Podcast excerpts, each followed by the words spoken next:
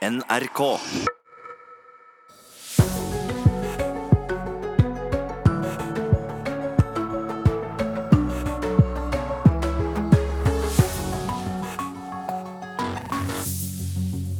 Det brenner i skogene våre i Sør-Norge, og det kommer trolig til å brenne i dagevis. Alt tilgjengelig brannmannskap er nå ute, i hvert fall i deler av Østlandet. Så det er selvsagt uh, dette vi kommer til å snakke mye om de neste par timene her i Nyhetsmorgen. Og så kan det hende at Storbritannias statsminister føler det som om hun er midt i en slags politisk skogbrann, hun også. Ikke bare har hun problemer nok med å trekke landet ut av EU. I går kom Donald Trump på besøk og satte nesten umiddelbart fyr på hele prosessen. Brannvesenet over hele Sør-Norge forbereder seg på nok en hektisk dag med skogbranner i dag. Knusktørr skog og lynnedslag førte til over 100 skogbranner i ni ulike fylker i Sør-Norge i går. Også i dag er det fare for lyn, og brannmannskapene i sør står på tå hev.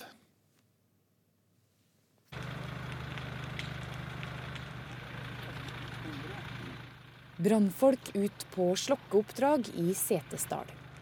En av over 100 skogbranner som raste i Sør-Norge i går. Agderfylkene Vestfold, Østfold, Buskerud, Hedmark, Oppland, Rogaland og Telemark. Slokkearbeidet har heldigvis gått bra, men har vært tungt. Eh, totalt sett så har vi lagt mange kilometer med slanger gjennom skauen. Sier Leif Høyland, vaktleder på Øst 110-sentral. Det er eh, bratt terreng med mye kjerr og mye med høydeforskjeller osv. som gjør at det blir tungt å dra utstyret gjennom skauen, hvor du da må bære av det.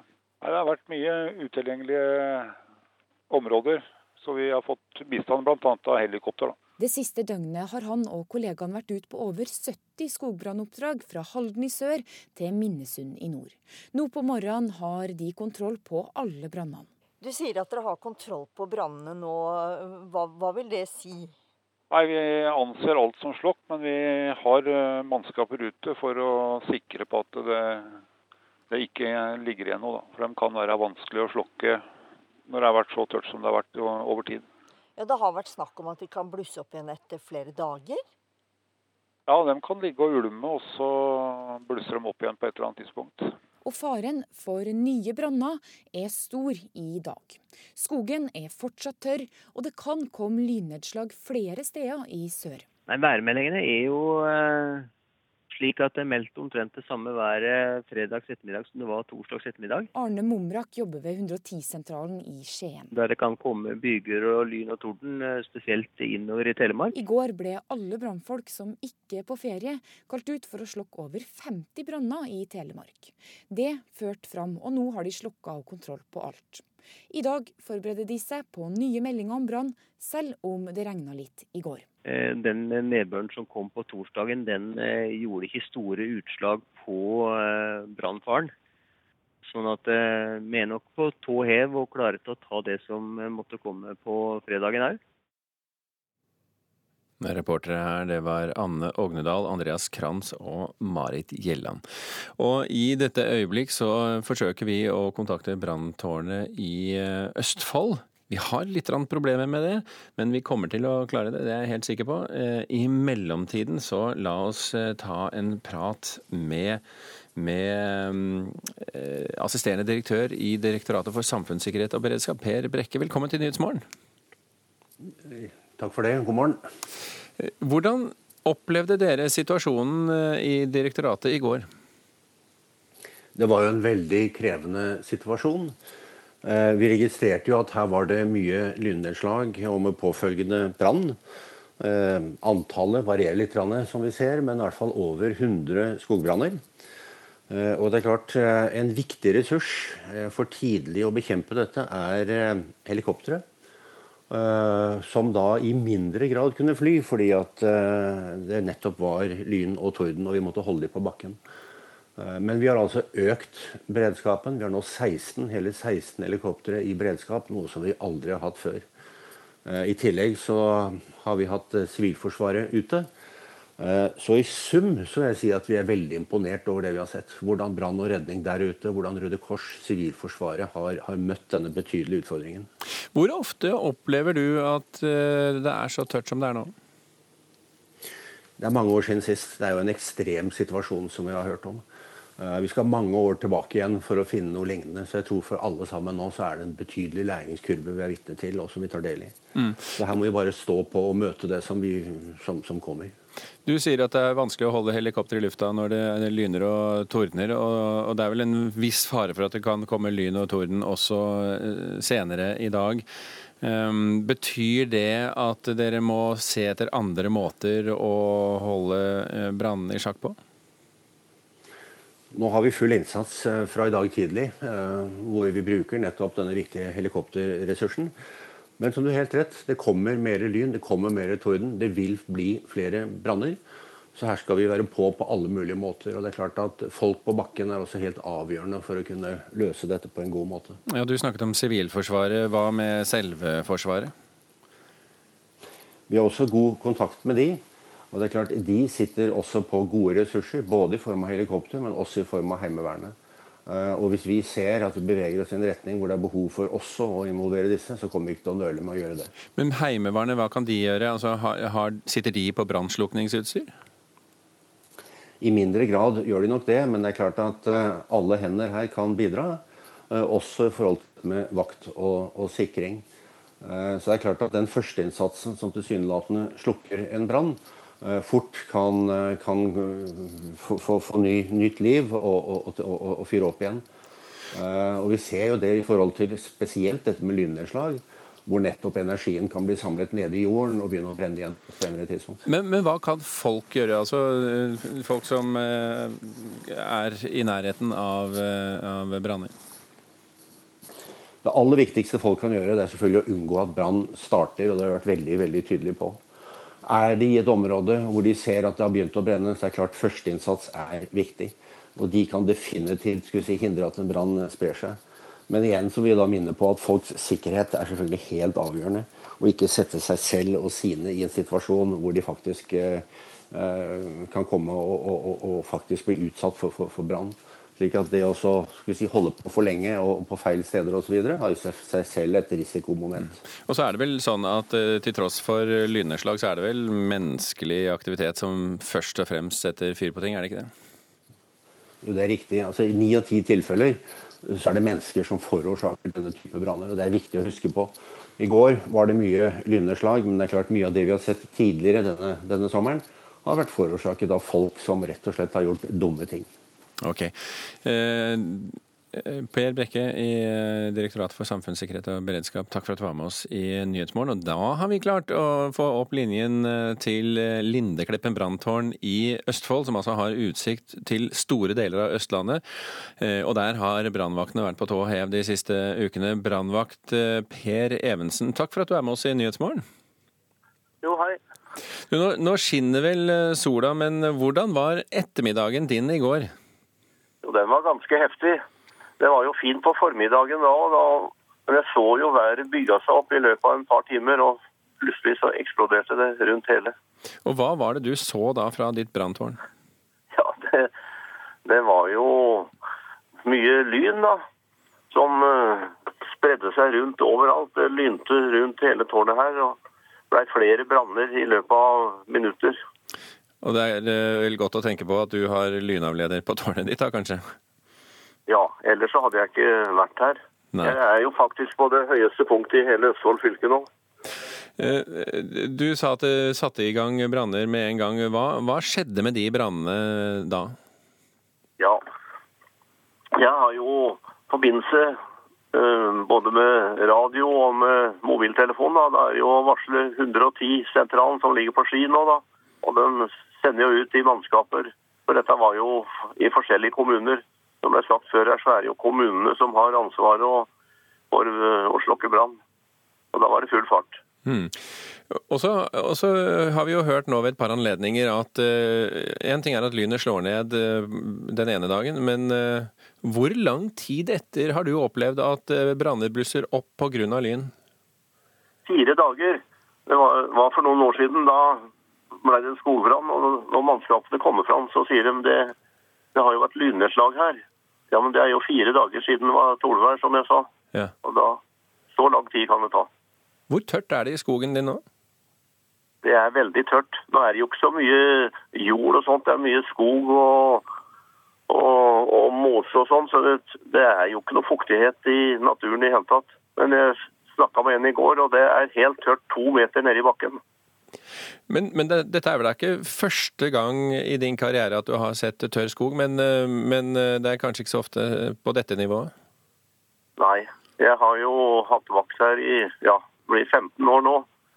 Og det har jo vært tørkeperioder og sånt tidligere òg, nesten litt hvert år. Men ikke sånn som det har vært i år. Nei. Ok, eh, vi skal ikke forstyrre deg mer. Du har eh, tross alt litt å pusle med oppe i tårnet. Per eh, Evensen, takk for at du var med oss fra Lindekleppen branntårn.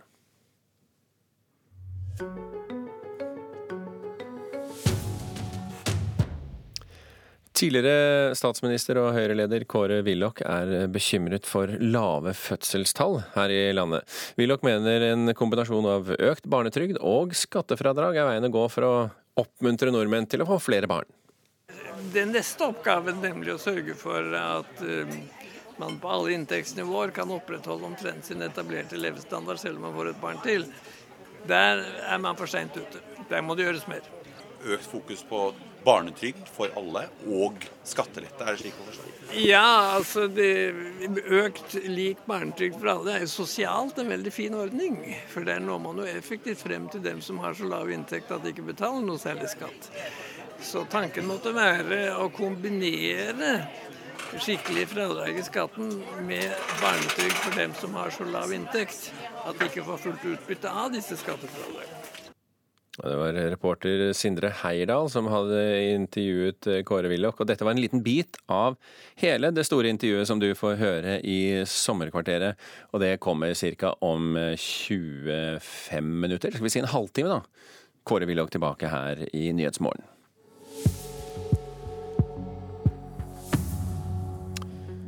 Som i dag handler om at Trump åpnet sitt besøk i Storbritannia med å fordømme vertskapets brexit-strategi. Han fornærmet statsministeren og hyllet hennes fremste rival. Og Det kommer vi til å snakke mer om her om ikke så lenge i Nyhetsmorgen. Brannvesenet over hele Sør-Norge forbereder seg på nok en hektisk dag med skogbranner. Knusktørr skog og lynnedslag førte til over 100 skogbranner i ni ulike fylker i Sør-Norge i går. Og Kverner Kværner Stord øker satsingen på resirkulering av gamle oljeplattformer. I et oppsiktsvekkende intervju med den britiske tabloidavisen The Sun sier president Donald Trump at Theresa Mays brexit-plan kan ødelegge utsiktene til en handelsavtale med USA. Trump er på sitt eh, første besøk i Storbritannia som president, og spiste i går kveld middag med statsminister Theresa May.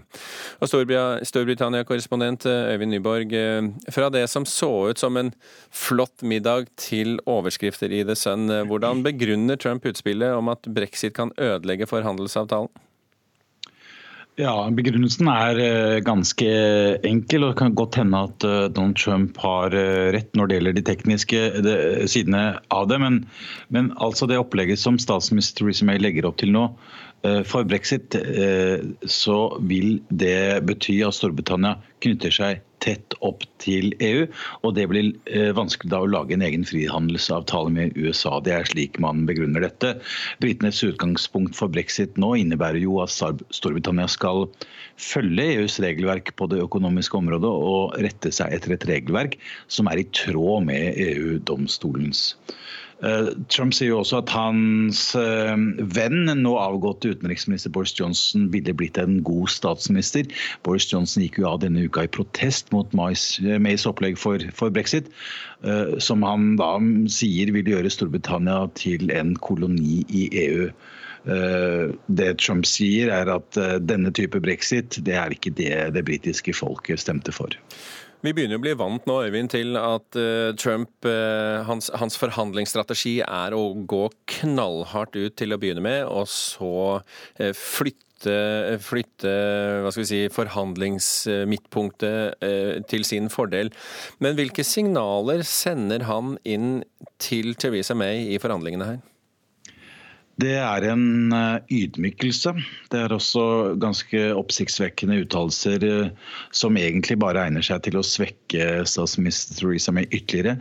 Eh, han vet at hun er i en situasjon der hun går fra den ene politiske krisen til den andre. Og det Trump også egentlig gjør, er å støtte de mer hardtslående brexit-forkjemperne i det konservative partiet, som allerede sitter klare til å fremme et mistillitsforslag mot meg pga. brexit. Og um, Trump sier jo i tillegg at uh, han kritiserer henne for ikke å ha lyttet til hans råd for hvordan dette her burde gjøres. Men, men så er det jo det som, som, BBC var opptatt av på morgenkvisten i dag, eh, Øyvind. At uh, Storbritannia vil jo trekke seg ut av EU fordi de ikke ønsker at andre skal bestemme over hvordan de driver sin politikk. Det er kanskje ikke noe stor fordel at Trump heller bestemmer over deres politikk. De kan jo eh, fort bli like hva skal jeg si, eh, gjenstridige mot han, kan det ikke det? At dette bakfyrer på et vis? Ja, noe av det som er interessant eh, ved dette, er at den gang tidligere USA-president Barack Obama kom hit til Storbritannia, så, så var det den gang David Cameron var statsminister. Og, og det Barack Obama gjorde da, var å, å, støtte Cameron i hans ønske om at britene fortsatt skulle være en del av. Eh, EU. og da ble eh, Obama kritisert for utidig å, å ha blandet seg inn i britisk eh, politikk. Nå gjør egentlig Trump litt det motsatte av det Obama gjorde.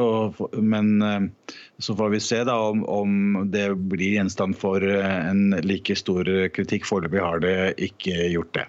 Det blir jo en eh, veldig spennende dag eh, for oss alle som er interessert i eh, politikk, og ikke minst for deg, Øyvind. Men takk for at du var med i denne omgang. Det blir mer om dette utover dagen, åpenbart her i NRK. Vi har også med oss USAs korrespondent Tove Bjørgaas. Og Tove, hva tror du Donald Trump ønsker å oppnå når han åpner besøket i Storbritannia på den måten han har gjort? Jeg tror vi skal se på dette i et litt større eh, bilde. Eh, det som altså skjedde før Trump ble valgt president i USA, det var jo brexit. Altså avstemningen om brexit. Og da jeg fulgte Trump rundt hans, i hans nominasjonskamp, så var en som ofte dukket opp eh, på, rundt omkring i delstatene her, det var Nigel Farage, som altså ledet brexit-bevegelsen eh, i USA, som leder for partiet UKIP. Eh, Trump han er en populist, og han ønsker vel nå også da å legge seg ut med det etablerte Storbritannia, et land han vet han ikke er velkommen i, der det er store demonstrasjoner mot ham, så store at han ikke skal, skal besøke sentrum av, av, London, slik jeg har forstått det. Og samtidig med at Trump kommer til Storbritannia, så er det også en annen som har vært på besøk der de siste dagene, og det er Steve Bannon, som kanskje mange vil huske som Trumps sjefstrateg fra tiden eh, da han tiltrådte eh, den første tiden i Det hvite hus. Og han har rett og slett reist rundt både i Storbritannia og andre europeiske land og møtt populister der eh, for å forsøke å rett og slett eh, bygge opp en opposisjon mot den etablerte regjeringen i Europa. Så dette er en del av, av Trumps store prosjekt, og slik sett så tror jeg ikke det er så overraskende at han går så hardt ut som det han gjør i dag eh, mot Theresa May, selv om det selvfølgelig er overraskende at han kommer med en ny salve nå bare to dager etter at han gjorde det samme i Brussel. Ja, BBC har jo kalt Trumps uttalelser eh, for oppsiktsvekkende og udiplomatiske i et omfang helt uten sidestykke. Er det noen i USA som nå tenker at Trump kanskje har gått litt langt? Det er det helt sikkert, men vi har hørt det meste nå. Eh, og ingenting overrasker egentlig lenger. Og vi vet jo at han har sagt eh, veldig mye bare den siste uka, og at, også, at, han også i sine handlinger i handelspolitikken, som gjør det han snakker om her når det gjelder brexit, også viser at han mener alvor med sin politikk om å, være helt annerledes og slite USA løs fra det eh, etablerte handelssystemet. Han lanserer nå også snart en ny liste med handelsrestriksjoner mot bl.a. Kina. Så jeg tror ikke er, dette får, vekker store overskrifter også her i USA nå, med det han har sagt. Og, og, mange har nok den samme følelsen som de hadde rundt det som skjedde i Brussel for to dager siden. Eh, men som sagt, vi, vi begynner å bli vant til, til dette nå. Eh, det er kanskje vanskelig å, å, si noe om det fra, fra din kant, Tove. Men, men, på hvilken måte tror du disse uttalelsene kan ramme samarbeidet mellom May og Trump? Hun var den første europeiske, den første lederen fra en av USAs nære allierte som kom hit til Washington og møtte Trump etter at han tiltrådte. Eh, den gangen var jo tonen god, siden har den blitt eh, mye dårligere.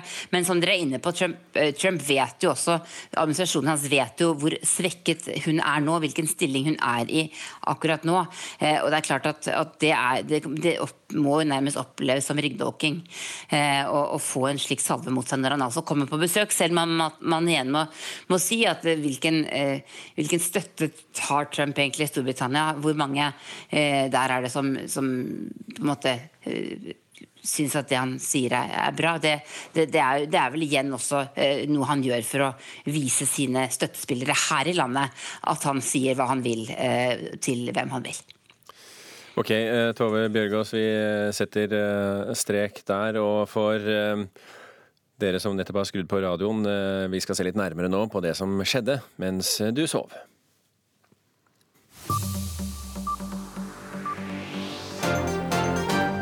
Det brenner eh, over 100 steder rundt om i skogene i det knusktørre Sør-Norge nå. Myndighetene har eh, satt hele 16 helikoptre i beredskap for å hjelpe til med slukking der vanlige brannbiler ikke kommer til. Det var tordenværet i går som startet mange av brannene. Lynnedslag eh, i går kan være årsaken til branner som oppstår de to til tre neste dagene. Og ikke før president Donald Trump hadde satt seg ned ved middagsbordet under gallamiddagen ved Blenheim slott i England, så trykket avisen The Sun et intervju der han kom med drepende kritikk av vertskapet for middagen, statsminister Theresa May. Han kritiserte både hennes forhandlingsevne og hennes plan for å trekke Storbritannia ut av EU. Voldshandlingene øker igjen i Afghanistan. I natt ble nok en amerikansk soldat drept i kamp, den andre amerikanske soldaten på én uke. Tidligere på dagen ble det meldt at minst 30 afghanske soldater ble drept i flere angrep på militærbaser og veisperringer i det nordlige Afghanistan. Og dette er blant tingene som skjer i dag, som vi i NRK Nyheter kommer til å ha et spesielt øye med. EUs eh, finansministermøte i Brussel eh, kommer vel til å ha litt å diskutere i dag. Ikke bare har eh, Trump sluppet en brannbombe inn i Storbritannias brexit-forhandlinger, men han ertet jo også på seg halve Nato med sitt krav om at alle land må opp på 2% av bruttonasjonalprodukt brukt til forsvar, og det umiddelbart. Dessuten så skal jo Trump eh, møte både Theresa May og dronning Elisabeth i dag. Det kan bli litt trykket stemning begge steder. Intervjuet i The Sun skaper nok ikke det beste utgangspunktet for forhandlinger, og i hvert fall ikke sett fra britenes side. Og det opprinnelige møtet med dronningen ble jo avlyst pga. Av, eh, hva skal vi si, trumpske omstendigheter. En eh, statue av den nå avdøde kinesiske dissidenten og fredsprisvinneren eh, Liu Xiaobo avdukes i Taiwan i dag, på dagen eh, ett år etter at han døde. Og det kan jo bli spennende. Kina anser Taiwan for sitt territorium, selv om de aldri har kontrollert øya. Så det kan hende at det ikke er så populært i Beijing, dette. Og Det gjør ikke saken bedre at stedet skulpturen skal stå. Det er et veldig populært sted for kinesiske turister å besøke, nemlig skyskraperen Taipei 101. På Moldejazz mandag så fremfører den amerikanske bandlederen og komponisten Marie Schneider åpningskonserten sammen med norske eh, ensemble Denada. Hun har tatt turen til Oslo nå for et par intense øvingsdager. Eh, for når de skal spille konsert i Molde, så skal de først ta turen til Rotterdam for en førpremiere.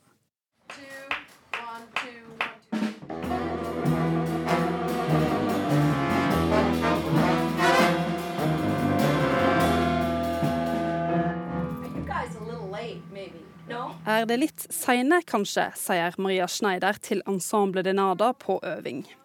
Hun har jobba med det norske ensemblet på turné i Sør-Amerika tidligere, og nå igjen før Moldejazz.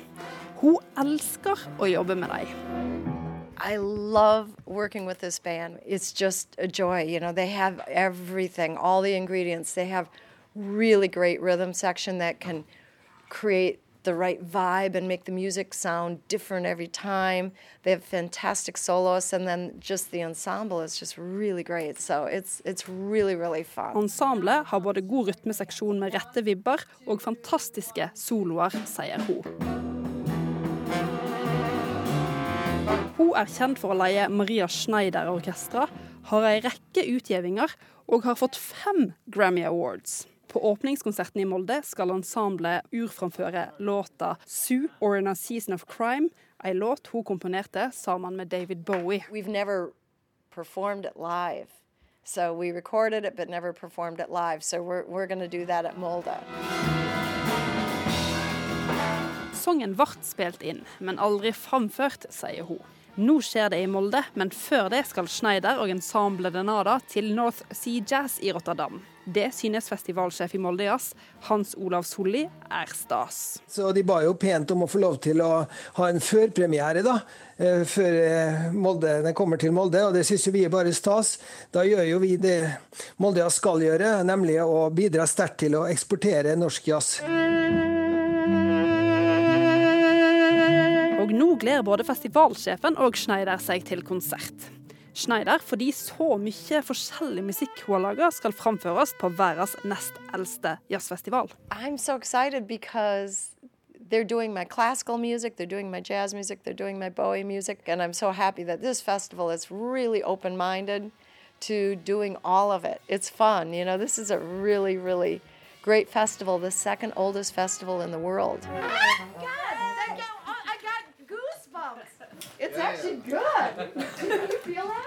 Kan hende at dette blir veldig humørfylt når eh, hun Maria Schneider er tilbake til, eh, på Moldia, så det er altså på mandag, sammen med, eh, med Ensemble Denada. Reporter her det var Karin Nygaard Tvilde, og intervjuene var gjort av Kaja Andreassen. Nå er det straks eh, hovedsendingen til Dagsnytt. Her i Nyhetsmorgen skal vi snakke med Kåre Willoch etterpå. Toje om Norge. Hans Nilsen Hauge var predikanten som endret Norge. Med protestantisk etikk og kristenkapitalisme bidro haugianerne til å bygge landet, med bedehus, nøysomhet og hardt arbeid. Og dette på tross av at lederen deres satt på fyllearresten. Toje om Norge. Lørdager klokka ti i NRK P2 i sommer. Sør-Norge brenner etter lynnedslag. I går måtte brannvesenet rykke ut til over 100 branner. I dag er det ventet mer lyn og torden. Donald Trump kommer med knallhard kritikk av brexit-planen til den britiske statsministeren. NHO vil tenke nytt for å få ned sykefraværet. Her er NRK Dagsnytt, klokka er 7.30. Ja, det er altså stor skogbrannfare i Sør-Norge også i dag. Muligheten for lynnedslag i knusktørr skog er årsaken. I går førte det til over 100 skogbranner sør i landet. Brannfolk ut på slokkeoppdrag i Setesdal. En av over 100 skogbranner som raste i Sør-Norge i går. Slokkearbeidet har heldigvis gått bra, men har vært tungt. Eh, Totalt sett så har vi lagt mange kilometer med slanger gjennom skauen. Sier Leif Høyland, vaktleder på Øst 110-sentral. Det har vært mye utilgjengelige områder, så vi har fått bistand bl.a. av helikopter. da. Det siste døgnet har han og kollegaen vært ut på over 70 skogbrannoppdrag fra Halden i sør til Minnesund i nord. Nå på morgenen har de kontroll på alle brannene. Men vi har eh, mannskaper ute for å sikre på at det, det ikke ligger igjen noe. da. Ja, Det har vært snakk om at de kan blusse opp igjen etter flere dager. Ja, de kan ligge og ulme, og så blusser de opp igjen på et eller annet tidspunkt. Og faren for nye branner er stor i dag. Nei, Værmeldingene er jo eh, slik at det er meldt omtrent det samme været fredags ettermiddag som det var torsdags ettermiddag. Arne Mumrak jobber ved 110-sentralen i Skien. Der det kan komme byger og lyn og torden, eh, spesielt innover i Telemark. I går ble alle brannfolk som ikke er på ferie, kalt ut for å slokke over 50 branner i Telemark. Det førte fram, og nå har de slokka og kontroll på alt. I dag forbereder de seg på nye meldinger om brann, selv om det regna litt i går. Eh, Den nedbøren som kom på torsdagen, den eh, gjorde ikke store utslag på eh, brannfaren. Sånn at vi er nok på tå hev og klare til å ta det som måtte komme på fredagen òg. Reportere Anne Ognedal, Andreas Krantz og Marit eh, Gjelland. Assisterende direktør i Direktoratet for samfunnssikkerhet og beredskap, eh, Per Brekke, du er med oss nå. Over 100 branner i Sør-Norge bare i går, hører vi altså. I hvilken grad kan vi risikere samme kaos eh, i dag? Vel, det samme været er meldt, så, så vi legger opp til at uh, dette kan bli en like krevende dag som det var i går. og legger beredskapen vår deretter. Ja, Det har vært snakk om å kalle inn forsvar også. Hvor aktuelt er det? Vi har kontakt med Forsvaret. Det er klart De har et heimevern. Ikke at de har utstyr til å bekjempe skogbrann. Eh, men det er flinke folk. og kan godt være at vi i forhold til Sivilforsvaret har utstyr til overs, og at det kan da være noe vi kan spille på. Og så er jo, som vi har hørt, eh, slukking fra fly og helikoptre en viktig del av dette arbeidet. Men det er ikke mm, like enkelt å bruke fly og helikoptre når det lyner og tordner? Det er ikke det. Da må de stå på bakken. Men nå har vi altså 16 helikoptre klare i dag, hvis det blir behov for det. Uh, og Så får vi holde på så, så mye vi kan, uh, eventuelt da til tornevernet kommer, og at man da av flysikkerhetsårsaker setter da noen av maskinene på bakken. Men full innsats på tå hev er på en måte stikkordene vi går inn i, i dagen med. Og så vet vi at det er eh, en del branner som rett og slett eh, skyldes eh, mennesker, at de er litt uforsiktige med åpen ild og slike ting. Hva bør folk gjøre nå? Det aller første de må gjøre, er å, hvis de ser en skogbrann, det er å melde fra. Ser de et eller annet, kontakt 110 og meld fra. Og så er det klart at Når naturen nå utfordrer oss på denne måten, så må folk være kloke. De må altså holde seg unna dette med åpen ild, utegriller osv. De må tenke klokt. Eh, det er altså ikke slik at det skal fyres opp verken bål eller engangsgriller der ute. Eh, og rett og slett nå hjelpe oss å håndtere denne vanskelige situasjonen. Og den eh, Oppfordringen den kom fra assisterende direktør i Direktoratet for samfunnssikkerhet og beredskap, Per Brekke. Til Storbritannia nå, for i et oppsiktsvekkende intervju med den britiske tabloidavisa The Sun sier president Donald Trump at Theresa Mays brexit-plan kan ødelegge utsiktene til en handelsavtale med USA. Den amerikanske presidenten er altså på sitt første besøk i Storbritannia som president. Korrespondent Øyvind Nyborg, hvordan begrunner Trump dette utspillet om at brexit kan ødelegge for en handelsavtale? Ja, han eh, sier at det opplegget som statsminister Theresa May legger opp til nå for brexit, det vil eh, knytte Storbritannia for tett opp til EU. Eh, e og Derfor så blir det vanskelig å lage en egen frihandelsavtale med USA. Og Britenes utgangspunkt nå er jo at man skal forsøke å følge EUs regelverk på det økonomiske området og rette seg etter et regelverk som er i tråd med EU-domstolens. Men dette, sier Trump, også er et brexit som ikke var det eh, det britiske folk eh, stemte for. Ja, hvilket signal eh, sender Trump til meg med disse utspillene? Det er egentlig både oppsiktsvekkende og det er også en ydmykelse av en statsminister som er eh, svekket eh, fra før, som går fra den ene politiske krisen eh, etter den andre. og Det er et, en støtte til de mer hardtslående brexit-forkjemperne i det konservative parti, som allerede sitter klare til å fremme et mistillitsforslag mot May. Og Det Trump i tillegg gjør, er å si at hans venn nå avgått utenriksminister Boris Johnson eh, ville ha blitt en, eh, en god statsminister, som jo eh, var mannen som trakk seg fra regjeringen på mandag fordi han er imot Theresa Mays opplegg for brexit nå. Takk skal du ha, Storbritannia-korrespondent Øyvind Nyborg, som eh, følger med på møtet mellom Theresa May og Donald Trump eh, senere i dag. Korrespondent Tove Bjørgaas eh, sitter i USA og følger med på reaksjonene der. De er ikke overrasket over Trumps siste kommentarer der. Jeg tror vi skal se på dette i et litt større eh, bilde. Eh, det som altså skjedde før Trump ble valgt president i USA, det var jo brexit. Altså avstemningen om brexit. Og da jeg fulgte Trump rundt hans, i hans nominasjonskamp, så var en som ofte dukket opp eh, på, rundt omkring i delstatene her, det var Nigel Farage, som altså ledet brexit-bevegelsen eh, i USA, som leder for partiet UKIP. Eh, Trump han er en populist, og han ønsker nå også da å legge seg ut med det etablerte Storbritannia, et land han vet han ikke er velkommen i, der det er store demonstrasjoner mot ham, så store at han ikke skal, skal besøke sentrum av, av, London, slik jeg har forstått det.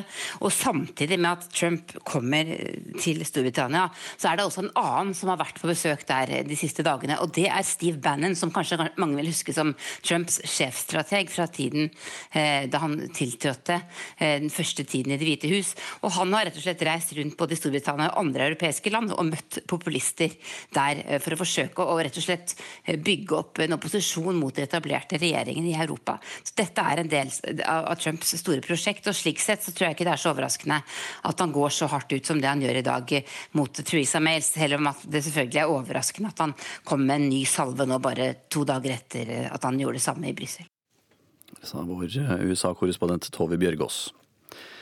Arbeidsgiverne i NHO vil tenke helt nytt når en ny avtale om inkluderende arbeidsliv forhandles til høsten. Et grep er å ha konkrete mål om hvor lavt sykefraværet bør være i den enkelte virksomhet og bransje. Det sier Nina Melsom. Hun er NHOs arbeidslivsdirektør. Og når vi ser evalueringen av IA-avtalen og faggruppens rapport, så er det jo sånn at ulike næringer oppnår ulike resultater. Så første ting jeg ville ta tak i, det var å si at man må stille konkrete mål både på bransje og på bedrift. Arbeidsgiverne i NHO er en av de viktige stemmene når arbeidsgivere, arbeidstakere og staten i høst forhandler om en ny avtale om inkluderende arbeidsliv. I dagens IA-avtale er målet 20% reduksjon i sykefraværet, i forhold til 2001. Det er ikke nådd. Fasiten er det halve. Derfor kreves nytenking for å inngå en ny avtale, ifølge NHO. For private bedrifter så er det klart at dette får direkte konsekvenser for bunnlinjen. Eh, har man samme tankegods i forhold til offentlig sektor? Sier NHOs direktør for arbeidsliv, Nina Melsom. Privat sektor har kuttet mer i sykefraværet enn offentlig sektor. Kommunesektoren som sådan har høyt fravær, og så er det samtidig store forskjeller. Anne Katrine Hjertås er avdelingsdirektør for arbeidsgiverpolitikk i KS. Også kommunene vil vurdere differensierte mål for sykefravær i forskjellige tjenesteområder og bransjer, men Kommune-Norge krever også mer handlingsrom for å nå målene, ifølge direktør Hjertås. Det er store forskjeller på menn som jobber i privat sektor, og kvinner som jobber deltid i offentlig sektor. Denne helheten her er veldig viktig for oss, at det blir en erkjennelse på alle, alle tre sidene av bordet. Det er meg, ikke sant? Reporter Hedvig Bjørgum. Marianne Løkkevik Ekeberg, ansvaret for Dagsnytt i dag. Jeg heter Anders Borgen Werring.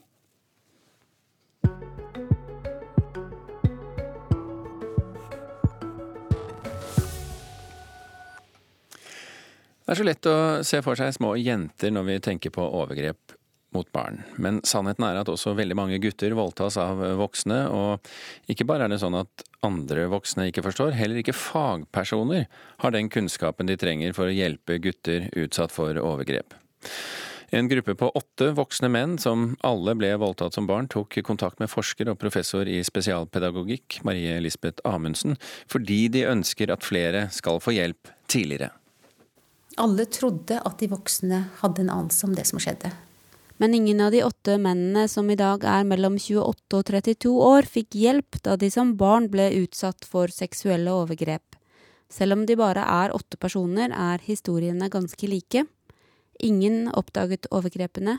Ingen av mennene har valgt å anmelde overgriper fordi de er redde for ikke å bli trodd, eller de frykter for at folk skal tro at de var medansvarlige.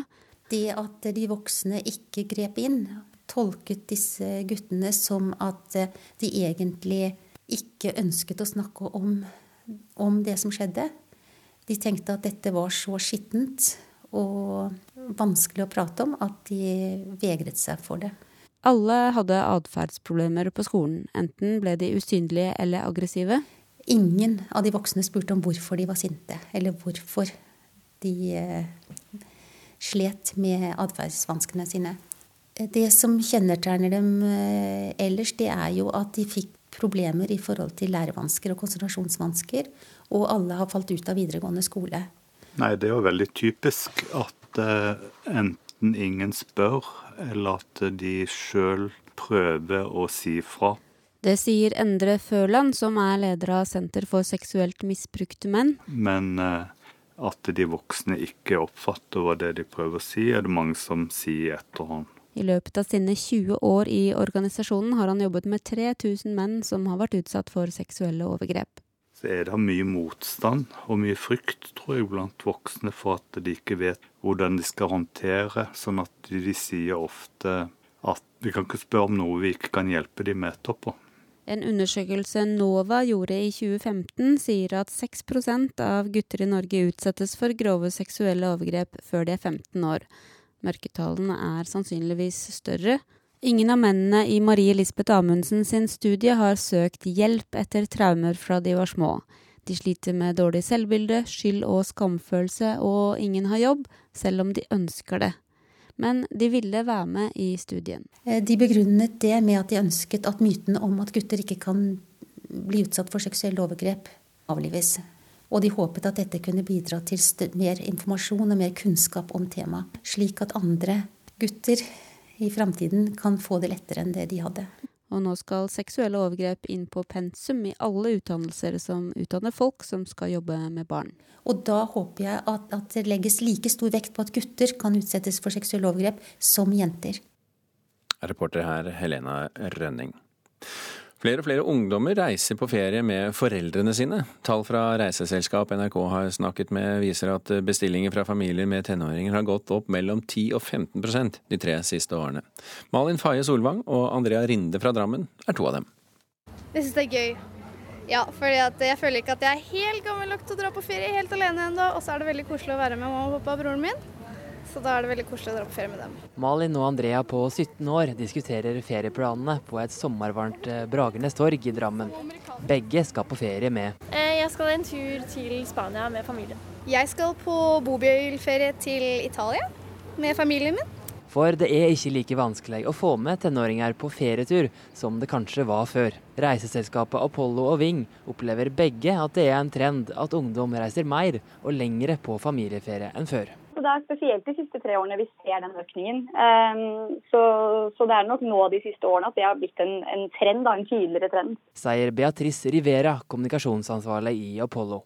Fra 2016 til 2017 hadde de en økning på 12% på bestillinger fra familier med tenåringer. I år er den alt på 15% Vi ser jo det at det har vært en økende etterspørsel etter å finne konsepter og reisemål som har noe for alle. At Man merker liksom det at det er det er større aldersgap på turene, og at man liksom vil sikre seg om at både barna og ungdommene og mor og far har noe å gjøre. Da. Og det er litt gøy. Noe av grunnen kan være tettere forhold til foreldra, akkurat som Thea på 17 år har. Eh, jeg er veldig close med pappa, f.eks. Eh, vi er som bestevenner. Eh, altså det er jo for så vidt med mamma òg, men det er liksom, pappa er litt mer sånn kulere, da. vi finner på ganske mye sammen. Dagens tenåringer er fornøyd med foreldra sine og trives sammen med dem, viser Ungdata-undersøkinga. Ingunn Eriksen er ungdomsforsker hos NOVA, og ser òg på hvordan foreldra til ungdommene har svart at det er ei generasjonsendring. Foreldrene sjøl beskriver jo sitt forhold til sine barn som på en måte nærere eh, enn de sjøl opplevde at, at, deres forhold til sine foreldre var. Så det, jeg tror nok at på mange måter at det er en slags eh, generasjonsendring eller endring akkurat i, i, det forholdet mellom foreldre og barn i, i ungdomstida. Og da er det jo ikke rart at det er mer attraktivt å bli med på strand- og solferie. Ørjan på 19 år skal til Syden sammen med mor og søster. Altså, det er jo greit. da, Nå er jeg jo student og lever ganske fattig ellers, så en uh, tur til utlandet er ikke feil i det hele tatt. Hvis det, foreldre og ungdom trives godt i lag, så er det kanskje naturlig, og da føles det fint å reise på på ferie òg. Kanskje foreldre er mer innstilt på å gjøre ting som ungdom syns er ålreit. Eh, fordi de mener, det, ser ut i vår intervju at foreldrene er veldig opptatt av at, at ungdommene skal like å være i lag, lag med dem òg når de er ungdom. Så det kan hende at det er litt sånn tilpasning på den måten. Jeg kunne gjerne dratt med venner, jeg. Altså, det hadde ikke vært noe problem, det. Men eh, det er jo litt annen ferie når man er med familien. Da. Man gjør kanskje litt som Malin sier, litt andre ting enn å bare være hjemme sammen. Man får liksom, se hverandre i en litt annen situasjon, på en måte, da. og det er veldig fint. Oppleve å se litt andre ting sammen, da. Reporter her var Gjermund Midtbø, og vi har mer på denne saken, vi. Men da må du gå inn på nrk.no og lese det der.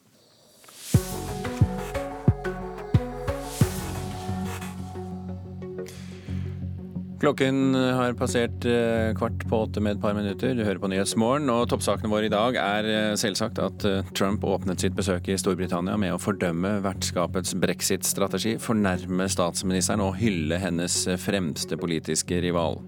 Brannvesenet over hele Sør-Norge forbereder seg på nok en hektisk dag i dag med skogbranner. Knusktørr skog og lynnedslag førte til over 100 skogbranner i ni ulike fylker i Sør-Norge i går.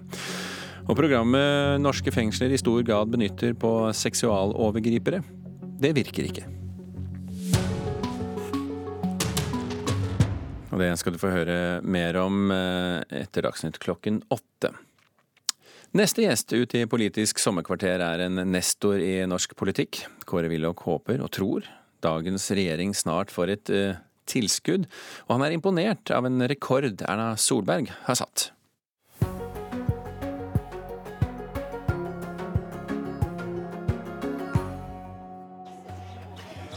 Nå er jo du eh, pensjonist formelt, men eh, likevel eh, særdeles aktiv. Hvor lang ferie tar du i sommer, altså hvor du kobler helt av?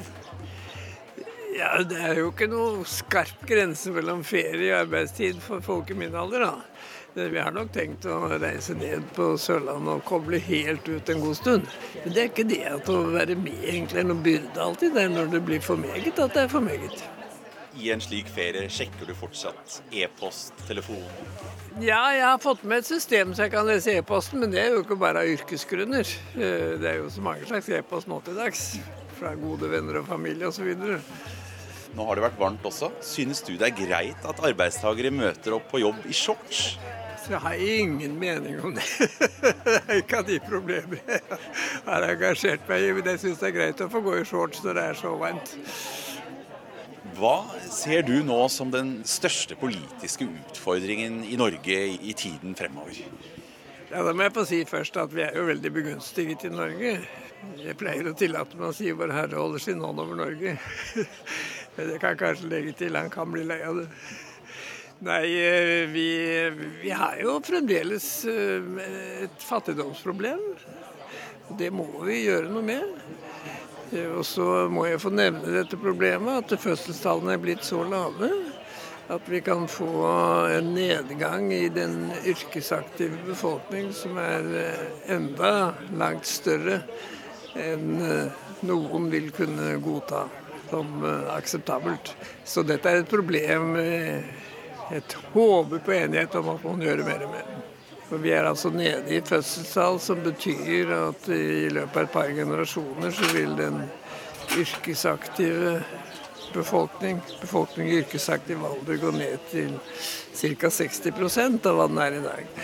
Og uansett hva man mener om eh, folketall osv., så, videre, så blir jo det en eh, så sterk nedgang at den kan skape svært alvorlige problemer. Eh, så det kan bli en eh, uoverkommelig byrde å skape brede sosiale goder. Det skal gjennomsnittet for kvinner i fødedyktig alder bli høyt nok til å opprettholde befolkningen, så må altså gjennomsnittet bli 2,1. Og når man da er nede i det veldig lave nå, tallet nå, er det ikke 1,67 eller hva det er? 1,62? 1,62, ja. Ja, så er jo det svært langt under. Og hvis man tenker seg dette i et par generasjoner, så blir virkningen voldsom. Nå, det er sikkert veldig uenighet om, om eh, hvor hvilket vekt man skal legge på å opprettholde befolkningen osv. Men det kan vel ikke være stor enighet om at så brå forandringer vil i alle fall skape svære sosiale problemer. Japan har jo hatt lave fødselstall siden 1980-tallet eh, og veldig stagnerende økonomisk vekst. Det kan kanskje være et, eh, et, eksempel?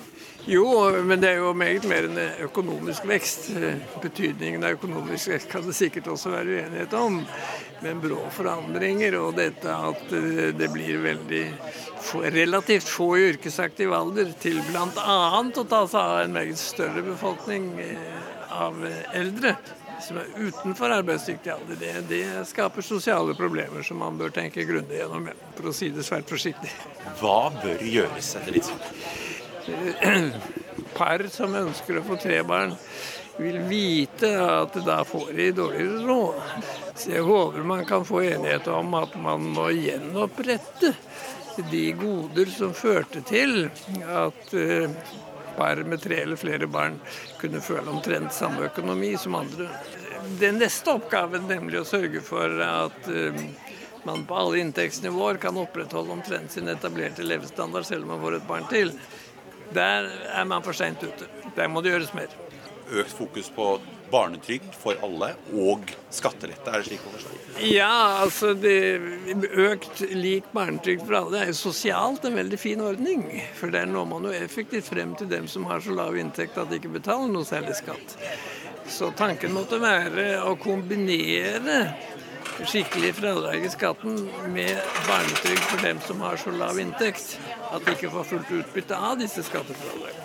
Er det en fare for at problemet vil vokse før det kommer kraftfulle løsninger? Tar det ofte tid for politikerne? Ja, Ikke bare tar det tid for politikerne å forandre politikk. Men eh, det er jo også dette at det tar tid før endret politikk får virkninger på fakta. Altså virkninger f.eks. på fødselstallene. Så jeg tror nok det er viktig nokså raskt nå å få bedre vilkår for barnefamilier i forhold til andre, slik at flere i den relevante alder velger å få tre eller flere barn. For skal gjennomsnittet bli slik at eh, befolkningen blir opprettholdt i rimelig grad, så må kårene for barnefamilier generelt bli bedre enn det er i dag, relativt til andre. Så har man altså latt barnetrygden falle uten å gjeninnføre skattefradrag for barnefamilier, ja, da går det galt, altså. Vi treffer Kåre Willoch på Herregårdskroen i Vigelandsparken. Den tidligere statsministeren fra Høyre fyller 90 år i høst, og er som alltid samfunnsengasjert. Ja, jeg er svært takknemlig for at jeg er i slik form i den alder. Nå, heldigvis går jo verden frem også på den måten at uh, veldig mange får lov til å leve lenge i gode kår. Etter hvert blir bakgrunnslydene så mange at vi forlater sommeridyllen til fordel for roligere parkomgivelser. Men det er ingen tvil om at den politiske nestoren settes pris på av gjestene. På vei ut får Willoch mange varme smil, og sågar flere oppmuntrende kommentarer. Hvordan ser du på din egen eh, innflytelse i samfunnet i dag? Det har jeg heldigvis ingen grunn til å ha noen alvorlig mening om. Men eh, noen ganger setter jeg jo pris på å få anledning til å mene noe om en sak. Men jeg er jo den begunstigede stilling at jeg kan eh, la være med noe når det passer. Eh, du klarer fremdeles å vippe et Høyre-landsmøte, f.eks. Jonas Gahr Støre så sent som i fjor trakk jo frem deg som et eksempel eh, i sin landsmøtetale. Det er ganske bred innflytelse. Ja, veldig hyggelig. Hva det for øvrig betyr, er ikke jeg objektiv nok til å mene noe om. Får du ofte gitt eh, Erna Solberg råd også? Hun trenger ikke mye råd. Men eh, jeg behøver jo aldri legge skjul på hva jeg mener, og setter stor pris på at man eh, i Høyre alltid har hatt vilje til å drøfte saker. Det er meget viktig, for det er en forestillingen om at en enkeltperson alltid kan automatisk finne noen riktig løsning, er helt utenfor virkeligheten. Jeg følte selv da jeg drev med politikk, at jeg var veldig avhengig av gode rådgivere. I nyere tid så har faktisk da Erna Solberg eh, gått forbi og har nå sittet lenger som statsminister for Høyre enn deg. Veldig bra, syns jeg. Håper hun blir sittende riktig lenge. Først, selvfølgelig først og fremst for Norges skyld, men det er jo veldig hyggelig også. Ja, jeg syns hun er veldig flink. Tror du hun klarer å holde koalisjonen eh, sammen i, i, i overskuelig framtid? La meg heller si det slik, jeg tror hun klarer det bedre enn noen annen ville klare det. Men det trengs jo flere parter, da. Jeg syns nok eh, Ja, det må jeg ha lov til å mene. En del andre partier er litt vriene, for å si det forsiktig. Håper du også at eh, KrF følger etter Venstre og, og snart blir en del av eh, Solbergs regjering? Ja, Etter mitt skjønn ville det være langt den beste løsning. Så tillater jeg meg dessuten å mene, selv om det ligger utenfor mitt område, at det være best for Kristelig Folkeparti også. Hvorfor det? Ja, jeg tror eh, det vil være det beste for styringen av landet. At man eh, fikk en slik eh, sammenhengende blokk. Jeg tror dette systemet, at en regjering til enhver tid må søke støtte fra partier utenfor regjeringen, har lett for å føre til for sterkt økte utgifter. Er det mulig for Høyre å igjen gå seirende ut av et stortingsvalg en tredje gang? Ja, ja, ja, ja, det er godt mulig. Vi kan jo håpe og nesten tro at Høyre kan være den posisjonen som det største partiet, det naturlige styringspartiet. Det er jo den posisjonen Erna har brakt opp i nå. Fremskrittspartiet var jo en utfordring for deg. Nå sitter Fremskrittspartiet i regjering med Høyre. Ja, det syns jeg er veldig bra. Har du også endret en del syn på Fremskrittspartiet de siste årene? Jeg kan vel få si det sånn. Fremskrittspartiet har endret seg ganske kraftig. Uh, viktig er jo bl.a. at jeg har fått større forståelse for at utgifter må begrenses hvis samfunnsøkonomien skal gå godt til beste for alle. Er det fremdeles noe du føler er ugjort i politikken? Noe du gjerne vil være med å påvirke, som er viktig fremover? Ja, det vil det jo alltid være. Og det vil føre altfor langt å prøve å nevne alle de gode ting som må gjøres. Men det ligger vel i samfunnsøkonomers, skal man si, erfaringsgrunnlag. Man er veldig opptatt av å holde orden på økonomien. Ikke fordi økonomien er så avgjørende i seg selv, men det er et avgjørende vilkår for å klare å løse alle de andre viktige sosiale, følelsesmessige osv. oppgaver. Tror du Norge er en konkurransedyktig nasjon hvor vi har omtrent samme nivå på velferden også om to-tre tiår fremover? La meg heller si det slik. Vi har rike muligheter. Men hvis vi gjennomfører flere goder raskere enn vi har råd til, så kan det gå galt. Så Det er jo et eiendommelig forhold i politikk at uh, for meget og for lite fordeler alle ting. Og Vi har hatt mange utvidelser, varige kostnadsøkninger, ja, ja. også de siste årene. Nei, Dette å tilpasse kostnadene til det samfunnet som kan bære, er jo en viktig sosial og kulturell oppgave, for å si det sånn. Nemlig det er et vilkår for å klare å løse disse sosiale og kulturelle og alle andre oppgaver godt nok. Så det er ikke slik at de som bremser, egentlig bremser fordi de er ubehagelige.